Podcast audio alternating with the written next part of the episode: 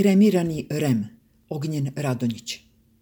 Ubrzo nakon fingiranog izbora novih članova Saveta REMA, dogovorenog na prošlogodišnjem fingiranom dijalogu vlasti i opozicije na Fakultetu političkih nauka, negde u doba kada se veseli doktor Nestorović i smevao na dolazećoj katastrofi, članica Saveta Rema je najavila ono što se desilo juče.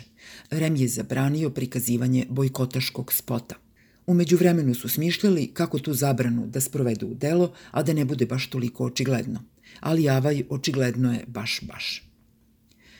Podsećanja radi, krajem februara ove godine, članica Saveta Rema je u jednom intervju izjavila da televizije sa nacionalnim frekvencijama ne moraju da ustupaju svoj prostor političkim partijama koje se zalažu za bojkot predstojećih lokalnih i parlamentarnih izbora. Šta više, po njoj bi, ukoliko bi im ustupile prostor, takve televizije ugrozile javni interes. Ergo, bojkot nije legitiman način političkog otpora, iz čega sledi da akteri koji ga propagiraju nisu sastavni deo naše političke scene.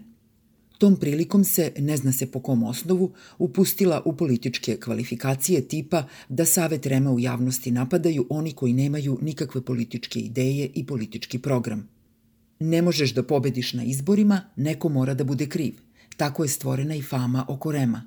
Glasina koja širi apsolutnu laž, da Rem odlučuje o tome ko će da pobedi na izborima.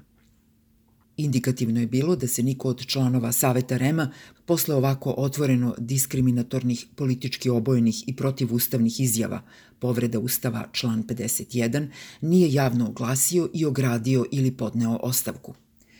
Nedugo zatim, Savet Rema je doneo odluku da, osim televizija sa nacionalnom frekvencijom, nadgleda i predizborni program dve televizije bez nacionalne frekvencije, N1 i Nova S. Predstavnici televizije N1 su čak onako dečije naivno konstatovali da je taj monitoring dobrodošao jer oni svakako poštuju sve etičke i profesionalne standarde. E onda je počeo pinkovani reality, besmislice da je SZS najzastupljeniji u medijima bez obzira na to da li se radi o televiziji sa nacionalnom frekvencijom ili ne, ili da li je pomenut u pozitivnom ili negativnom kontekstu. Performans sa ozoniranim čovekom i njegovom televizijom, sapunica od javne prepiske između članice i novoizabranog člana Saveta Rema dok cenzura buja – Na kraju je zavrhunilo sa zabranom spota vladajuće partije, koji je i snimljen zato da bi bio zabranjen, bio opšti utisak, radi simulacije demokratije. Ali ne, cela akcija zabrane spota vladajuće partije i reality simulacije sukoba među članovima Saveta Rema je preduzeta kako bi pod dimnom zavesom bio izvršen zadatak najavljen na početku ovog teksta – otklon prema bojkot kampanji i to baš na televizijama koje su se naknadno našle pod prismotrom Rema.